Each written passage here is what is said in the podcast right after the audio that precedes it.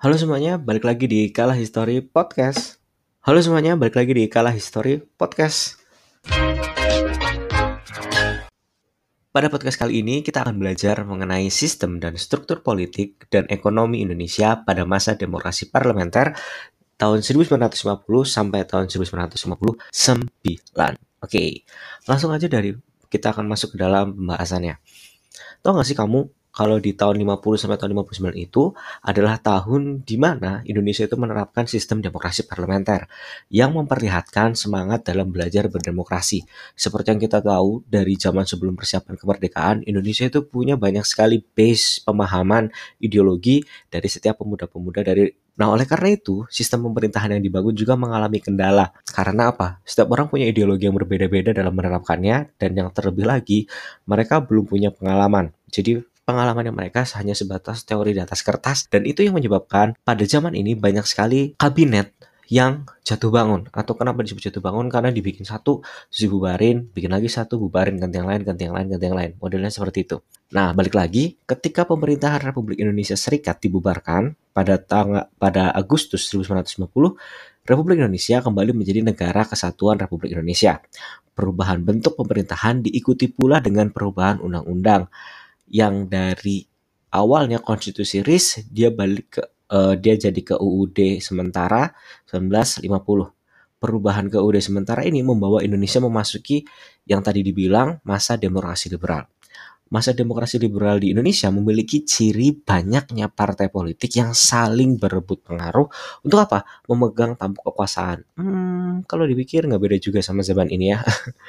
Hal ini membawa dampak terganggunya stabilitas nasional di berbagai bidang kehidupan. Kenapa? Karena partainya gontok-gontokan rebutan apa? Rebutan kekuasaan di mana? Di kabinet. Ya kok kayak dejavu gitu ya balik lagi zaman ini. Nah, tapi kita lanjutin dulu. Perlu kita ketahui bahwa sistem multipartai Indonesia diawali dengan maklumat pemerintah. Nah, ini dasarnya pada tanggal 3 November 1945. Setelah mempertimbangkan usulan dari Badan Pekerja Komite Nasional Indonesia Pusat, pemerintah pada awal pendirian partai-partai politik menyatakan bahwa pembentukan partai-partai politik dan organisasi politik tujuannya untuk memperkuat perjuangan revolusi. Hal ini seperti yang disebutkan dalam maklumatnya, yang garis besarnya harus seperti ini. Satu, menjunjung tinggi asas demokrasi tidak dapat didirikan hanya satu partai. Nah, ini kita balik lagi ke materi kelas 11 bagian akhir, di mana waktu itu Pak Soekarno menyatakan bahwa sebaiknya Indonesia punya sistem satu partai aja. Partainya itu waktu itu PNI. Nah, tapi kemudian apa? Ditolak kan? Kemudian digantilah lewat maklumat ini. Kemudian yang nomor dua, dianjurkan pembentukan partai-partai politik untuk dapat mengukur apa? Kekuatan perjuangan kita. Maksudnya bagaimana? Apa hubungannya pembentukan partai politik sama mengukur kekuatan perjuangan kita? Gampang. Maksudnya apa? Dengan banyaknya partai politik yang dibuat atau dengan adanya partai lain selain PNI dibuat, dari situ mereka bisa tahu, oh ternyata memang yang memperjuangkan Indonesia bukan hanya dari kaum marhen saja, bukan hanya dari kaum masyumi saja, tapi juga orang-orang dengan ideologi yang berbeda, apa punya kesatuan hati yang bersama apa dalam memperjuangkan kemerdekaan. Nah, yang sebenarnya nanti di akhir ini malah akan jadi bumerang. Kemudian yang ketiga, dengan adanya partai politik dan organisasi politik memudahkan pemerintah untuk apa? Minta tanggung jawab kepada para pemimpin, barisan perjuangan. Ingat peraturan yang lama, makin banyak kepala, makin banyak atur. Maksudnya gimana? Kalau cuma satu kepala, oh sorry, harus diperdetail. Ada banyak kepala di bawah yang membentuk organisasi itu jauh lebih gampang daripada cuma satu kepala yang berusaha mengontrol orang banyak. Kenapa? Gampang. Gini nih, kayak kelas lah sama sekolah sistemnya. Kembali lagi saya kasih contoh. Kalau bapak kepala sekolah ngatur kelas-kelasnya sendiri, otomatis susah kan dari kepala sekolah langsung turun ke kelas-kelas, nggak akan kepegang. Maka dari itu di setiap kelas diserahkanlah kekuasaan kepada apa? Oh, kekuasaan atau tanggung jawab kepada wali kelas. Kemudian setiap ada kegiatan apa atau ada kejadian apa, maka dari wali kelas bisa melapor kepada kepala sekolah. Nah, itulah juga yang maksudnya di situ. Semakin banyak orang yang bisa tertampung di dalam satu wadah, makin gampang minta pertanggungjawaban. Kemudian, dari hasil maklumat ini muncullah partai-partai baru dan dari sinilah Indonesia mulai mengubah sistem pemerintahan dari presidensial ke parlementer yang diawali dengan kabinet Syahrir. Nah, oke, Langsung saja kita akan lihat suasana bagaimana zaman demokrasi liberal yang berlangsung dari tahun 1950 sampai ke 1959. Dalam cakupan waktu yang cuma 9 tahun ada 7 kabinet. Wih, bayangin berarti bisa dibilang hampir tiap tahun ganti model kabinet. Memegang pemerintahan sehingga hampir setiap tahun ganti kabinet jatuh bangunnya kabinet ini membuat program-program kabinet tidak bisa dilaksanakan sebagai mestinya. Iya, gimana? Orang kabinet dibikin, oke, okay, dituntut sama Pak Soekarno. Oke, okay, kabinet Syahrir, kamu punya pengen bikin apa? Saya pengen bikin ini, ini, ini, ini. Oke, okay, ya dicek. Bulan pertama, bulan kedua, bulan ketiga, bulan keempat, waduh kacau. Syahrir bubar, akhirnya apa? Rencananya Syahrir ini hilang karena kabinet yang selanjutnya tidak akan melanjutkan rancangan atau rencana dari kabinet yang sebelumnya sebelumnya. Kok sebelumnya sih? Sorry ya, pilek. Kemudian ini juga nanti akan berhubungan sama apa? Pada era ini, Indonesia menjalankan pemilihan umum yang pertama dan diikuti oleh banyak partai politik yaitu pemilu tahun 1955 yang merupakan tonggak demokrasi pertama di Indonesia. Pemilu ini dilaksanakan untuk memilih anggota parlemen dan anggota konstituante konstituante sendiri diberi tugas untuk apa? Membentuk undang-undang dasar yang baru menggantikan undang-undang dasar sementara. Kondisi ini juga sebenarnya berjalan tidak selaras. Kenapa? Karena konstituante yang diberi tugas untuk membentuk undang-undang dasar itu tidak dapat terselesaikan dan menjadikan apa? Menambah kisruh situasi politik pada masa itu sehingga mendorong Presiden Soekarno untuk mengeluarkan dekret presiden pada tanggal 5 Juli 1959. Nah, dekret itu nanti kita akan bahas apa hubungannya e, munculnya dekret presiden 5 Juli 1959 dengan berakhirnya masa demokrasi parlementer. Nah, oke, sekarang kita masuk ke dalam topik pembahasan yang pertama, Pertama, sebelum kita masuk ke kabinet-kabinetnya, kita harus tahu dulu model sistem pemerintahannya. Jadi begini, bangsa kita ini sebenarnya bangsa yang pembelajar. Karena kenapa? Karena ya baru pertama kali merdeka. Indonesia sampai dengan tahun 50-an itu telah menjalankan dua sistem pemerintahan berbeda, yaitu pertama sistem presidensial dan juga sistem parlementer. Tapi yang menyedihkan tidak sampai satu tahun setelah kemerdekaan sistem pemerintahan presidensial digantikan dengan sistem pemerintahan parlementer. Nah ini diawali dengan apa? Pertama kali munculnya kabinet Syahrir. Pada saat itulah yang menjadi titik pertama waktu kabinet Syahrir ini muncul pada November 1945 itu menjadi pertama-pertamanya dimulainya proyek bukan proyek ya kejadian atau peristiwa gonta-ganti kabinet tiap tahunnya. Namun yang perlu diperhatikan, pelaksanaan sistem parlementer ini tidak diikuti dengan perubahan Undang-Undang Dasar. Baru pada masa Republik Indonesia Serikat, pelaksanaan sistem parlementer dilandasi oleh konstitusi, yaitu konstitusi RIS atau Republik Indonesia Serikat. Begitu juga pada masa demokrasi liberal, pelaksanaan sistem parlementer dilandasi oleh Undang-Undang Sementara 1950 atau dikenal dengan nama Konstitusi Liberal. Jadi tadi sudah dibahas di pembukaan kalau awalnya Indonesia itu tadi modelnya itu Republik Indonesia Serikat. Nah, kemudian balik lagi jadi negara kesatuan. Indonesia menerapkan dasar dasar hukumnya atau landasannya itu bukan UUD 1945 seperti yang sebagaimana telah ditetapkan oleh PPKI waktu awal kemerdekaan, tapi malah memakai Undang-Undang Sementara 1950. Sistem pemerintahan negara menurut UUD sementara adalah sistem parlementer. Artinya, perhatikan apa sih sebenarnya sistem parlementer? Dari tadi kita ngomong. Artinya kabinet disusun menurut perimbangan kekuatan kepartaian dalam parlemen dan sewaktu-waktu dapat dijatuhkan oleh wakil-wakil partai dalam parlemen. Presiden hanya merupakan lambang kesatuan saja. Hal ini dinamakan pula demokrasi liberal sehingga era ini dikenal dengan nama demokrasi liberal of course, the sistem kabinet masa ini berbeda dengan sistem kabinet Republik Indonesia Serikat yang dengan nama Zaken Kabinet.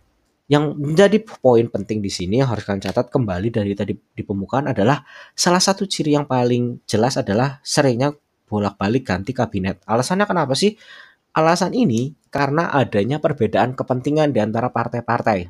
Perbedaan di antara partai-partai ini tidak pernah dapat terselesaikan dengan baik jadi dari tahun 50 sampai tahun 59 itu bolak-balik namanya ganti kabinet. Dengan kenapa? Karena kepentingan partai masing-masing. Jadi kalau diperhatikan, Sim Nasir itu satu tahun, Sukiman itu ya satu tahun, Wilopo satu tahun, Sostro Amijoyo ini yang cukup lama, dia dua tahun, kemudian Kabinet Burhanuddin Harahap itu juga cuma satu tahun, Kabinet Ali Sostro Amijoyo part 2 cuma satu tahun, Kabinet Juanda, nah ini yang cukup lama, dua tahun sebelum akhirnya ditutup. Sebenarnya kalau kita perhatikan dari partai-partai yang tadi disebutkan namanya ada dua nih antara Masyumi sama PNI yang memang karena partai gede waktu itu cuma PNI sama Masyumi. Jadi sebenarnya Masyumi itu awalnya itu kayak dikasih kesempatan untuk memerintah. Kemudian PNI memegang peranan terutama setelah pemilu 1955. Namun sebenarnya PNI itu juga kalau kita perhatikan itu tadi paling lama cuma dua tahun. Rata-rata setahun, setahun, setahun, setahun. Karena apa? Ya itu tadi karena balik lagi ini kabinetnya parlementer, jadi kepentingan ada yang utama, yang pertama ya jadinya apa? Tidak bisa bertahan lama karena kerjanya apa? Nggak fokus, ribut sama kepentingan partainya sendiri-sendiri. Jadi sebenarnya begini, di dalam sejarahnya kabinet Nasir itu waktu nyusun kabinetnya bermaksud buat apa? Menyusun dengan melibatkan sebanyak mungkin partai agar kabinetnya mencapai sifat nasional. Nah, si Nasir ini dia tidak pengen kelihatan kayak apa? Wah, egois, masyumi kabeh, masyumi semua gitu. Enggak. Dia pengen apa? Semuanya ada di dalam. Ayo kita buktikan apa? Bahwa Indonesia bukan cuma punya masyumi, tapi punya dari golongan lain kayak PNI begitu juga termasuk dalam golongan Indonesia. Kemudian apa? Jadi semuanya ditarik buat apa? Masuk ke dalam kabinetnya untuk mencerminkan sifat nasional dan mendapat dukungan parlemen yang besar. Tapi dalam kenyataannya, Natsir kesulitan untuk kabinet seperti yang dia inginkan sehingga kesulitan dalam menempatkan orang-orang PNI dalam kabinet. Sehingga kabinet Natsir yang terbentuk pada 6 September 1950 tidak melibatkan PNI di dalamnya. Nah, PNI menjadi oposisi bersama PKI dan Partai Mur Nah kenapa alasannya? Ya tadi kesusahan karena dari dasarnya ideologinya apa? Udah beda. Jadi latar belakang masalah dalam membentuk kabinet sering sekali menjadi faktor yang menyebabkan goyahnya dan jatuhnya kabinet. Hal ini terlihat ketika Natsir menjalankan pemerintahannya.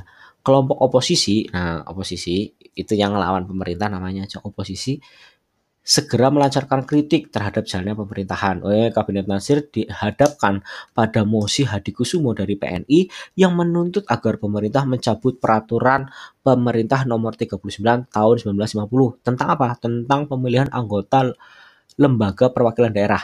Nah, lembaga-lembaga perwakilan daerah yang sudah dibentuk atas peraturan nomor 39 oleh kabinetnya Hatta supaya diganti dengan undang-undang baru yang bersifat demokratis karena di dalam peraturan pemerintah nomor 39 ini itu dalam menentukan pemilihannya dilakukan secara bertingkat. Nah, berdasarkan pemungutan suara di parlemen, Mosi Hadikusuma mendapatkan dukungan dari parlemen. Hal ini menyebabkan Menteri Dalam Negeri mengundurkan diri. Akibatnya, kondisi ini jadinya apa? Hubungan di dalam parlemen tidak lancar dan akhirnya menyebabkan Kabinet Nasir menyerahkan mandatnya kepada Soekarno pada 21 Maret 1951. Eh cukup sebentar ya, cuma setahun aja nggak genep sebenarnya. Nah, dan apa? Akibatnya, jatuhnya Kabinet Nasir membuat Presiden Soekarno mengadakan pembicaraan dengan para pemimpin partai untuk memilih tim formatur kabinet yang kemudian menghasilkan Kabinet Sukiman pada tanggal 26 April 1951. Berbeda dengan kabinet sebelumnya yang tidak melibatkan PNI dalam pemerintahannya, Kabinet Sukiman berhasil melibatkan PNI di dalamnya. Sehingga Kabinet Sukiman didukung dua partai besar saat itu, yaitu Masyumi dan PRI. Partai-partai pendukung kabinet, Sukiman melalui menteri-menterinya yang duduk dalam pemerintahan berusaha apa? Merealisasikan program politik tapi program politik apa? Program politiknya masing-masing. Meskipun kabinet telah memiliki program kerja sendiri, hal ini merupakan benih-benih keretakan yang melemahkan kabinet, yang melemahkan kabinet. Yalah, contohnya apa? Jadi ada menteri dalam negeri yang namanya Mr. Iskak. Nah, itu dia orang PNI yang menginstruksikan untuk menonaktifkan DPRD DPRD yang terbentuk berdasarkan peraturan pemerintah nomor 39 lagi. Nah, selain itu, Iskak juga mengangkat orang-orang PNI menjadi gubernur Jawa Barat dan Sulawesi. Tindakan ini ya pastilah menimbulkan pertikaian politik, lalu diangkat seenaknya sendiri. Kemudian, kebijakan lain yang menimbulkan masalah dalam hubungan antara pemerintah dan parlemen adalah ketika Menteri Kehakiman Muhammad Yamin membebaskan 950 orang tahanan SOB atau Stad van Oorlog en Beleg melakukannya tanpa persetujuan Perdana Menteri dan anggota kabinet lainnya. Kebijakan ini ditentang oleh Perdana Menteri Sukiman dan kalangan militer yang mengakibatkan akhirnya apa? Muhammad Yamin meletakkan jabatannya sebagai Menteri Kehakiman. Tapi belum selesai di situ. Kondisi Kabinet Sukiman semakin terguncang ketika muncul mosi tidak percaya dari Sunarjo. Nah, sebelum itu kita pelajari dulu apa sih yang sebenarnya maksud dengan mosi tidak percaya. Oke, okay, let me explain to you. Oke, berdasarkan sumber yang saya dapatkan, jadi kita jelaskan dulu. Di dalam Kamus Bahasa Indonesia, mosi itu diartikan sebagai keputusan rapat. Oke, jadi mosi adalah keputusan rapat. Misalnya ada parlemen yang menyatakan pendapat atau keinginan para anggota rapat. Nah, sementara istilah lengkapnya, jadi mosi tidak percaya itu dapat diartikan sebagai penyertaan tidak percaya dari Dewan Perwakilan Rakyat terhadap kebijakan pemerintah. Nah, kalau dari Wikipedia, yang sebenarnya musuh saya, nah tapi ya karena kita perlu definisinya ya nggak apa-apa lah asal jangan dipakai buat jawab soal. Mosi tidak percaya itu adalah sebuah prosedur parlemen yang digunakan kepada parlemen oleh parlemen oposisi dengan harapan mengalahkan atau mempermalukan sebuah pemerintahan. Jadi secara garis besar ketika ada parlemen memutuskan untuk mengeluarkan mosi tidak percaya, sebuah pemerintahan haruslah segera mengundurkan diri atau membubarkan parlemennya untuk kemudian mengadakan pemilihan umum. Jadi mosi tidak percaya itu tujuannya dulu untuk apa? Untuk bisa dibilang membuat satu pemerintahan mundur dari masa jabatan yang ada sekarang. Balik lagi, munculnya mosi tidak percaya ini ada kaitannya dengan penandatanganan perjanjian Mutual Security Act Act atau MSA antara Menteri Luar Negeri Ahmad Subarjo dengan Merle Kohran, Duta Besar Amerika Serikat. Nah, hal ini berawal dari nota jawaban. Nah, ini jadi ada tingkatannya ya. Nanti silakan baca sendiri. Nota jawaban yang diberikan oleh Subarjo terhadap Kohran yang berisi pernyataan bahwa Indonesia bersedia menerima bantuan dari Amerika Serikat berdasarkan syarat-syarat yang ditentukan dalam MSA. Nota Menteri Luar Negeri ini memiliki kekuatan seperti suatu perjanjian internasional. Tindakan Subarjo ini dianggap sebagai suatu langkah kebijaksanaan politik luar negeri yang dapat memasukkan Indonesia ke dalam lingkungan strategi Amerika Serikat sehingga menyimpang dari asas politik luar negeri yang bebas aktif. Mosi ini kemudian disusul oleh pernyataan PNI agar kabinet mengembalikan mandatnya kepada presiden untuk mengatasi kesulitan-kesulitan yang dihadapi. Akhirnya, dengan didahului pengunduran diri Ahmad Subarjo selaku Menteri Luar Negeri, Sukiman pun kemudian menyerahkan mandatnya kepada Presiden Soekarno. Jadi, kalau kita perhatikan sebenarnya masalah yang ada di dalam sini, kalau kemarin kita di Integrasi Bangsa itu berbicara tentang bagaimana perlawanan secara militer orang-orang yang tidak suka sama pemerintahan Indonesia dan berusaha membentuk Indonesia menjadi apa yang mereka mau sesuai dengan ideologi dan dasar apa ya, dasar negara yang mereka suka. Sebenarnya masalah itu juga terjadi di dalam masa demokrasi liberal ini, di mana orang-orang berusaha membentuk sebuah pemerintahan yang isinya orang-orang yang sesuai sama maunya sendiri. Tapi ya udah juga sampai semua saat itu terbentuk, mereka nggak akan puas. Maka dari itu sampai lo gonta ganti banyak kabinet, tujuh kabinet selama sembilan tahun itu tidak terhitung sama yang tadi kabinet Hatta yang sebelum itu. Ganti-ganti cuma apa? Ya itu tujuannya. Karena apa? Dianggap satu pimpinan ini tidak sesuai dengan apa yang mereka mau. Walaupun sebenarnya saat itu untuk mendapatkan posisi netral dan menyenangkan semua orang itu sulit. Dan itu yang sebenarnya mereka kejar. Walaupun tadi kita lihat pertama, weh pak, gitu kalau kita perhatikan Mas Yumi udah masuk, ya betul, PNI udah masuk, ya betul. Tapi kan juga tidak kita mengecilkan keadaan kalau di dalam PNI dan Mas Yumi itu juga ada apa? Juga ada perpecahan sendiri. Setiap orang punya ideologinya masing-masing. Maka dari itu, untuk episode Kalah History Podcast hari ini kita akan cuma selesai sampai di sini sampai kabinet um, sampai belajar tentang kabinetnya yang kedua tadi. Jadi untuk episode Kalah History podcast kali ini kita akan belajar cukup sampai di sini. Nanti di episode selanjutnya kita akan ngebahas juga tentang kabinet-kabinet selanjutnya sampai nanti habis dan permasalahan apa sih yang mereka hadapi sampai kok kabinet harus gonta-ganti berulang kali sampai nanti akhirnya Undang-Undang Dasar 1945 baru diterapkan kembali dan diganti lagi sistemnya menjadi demokrasi terpimpin.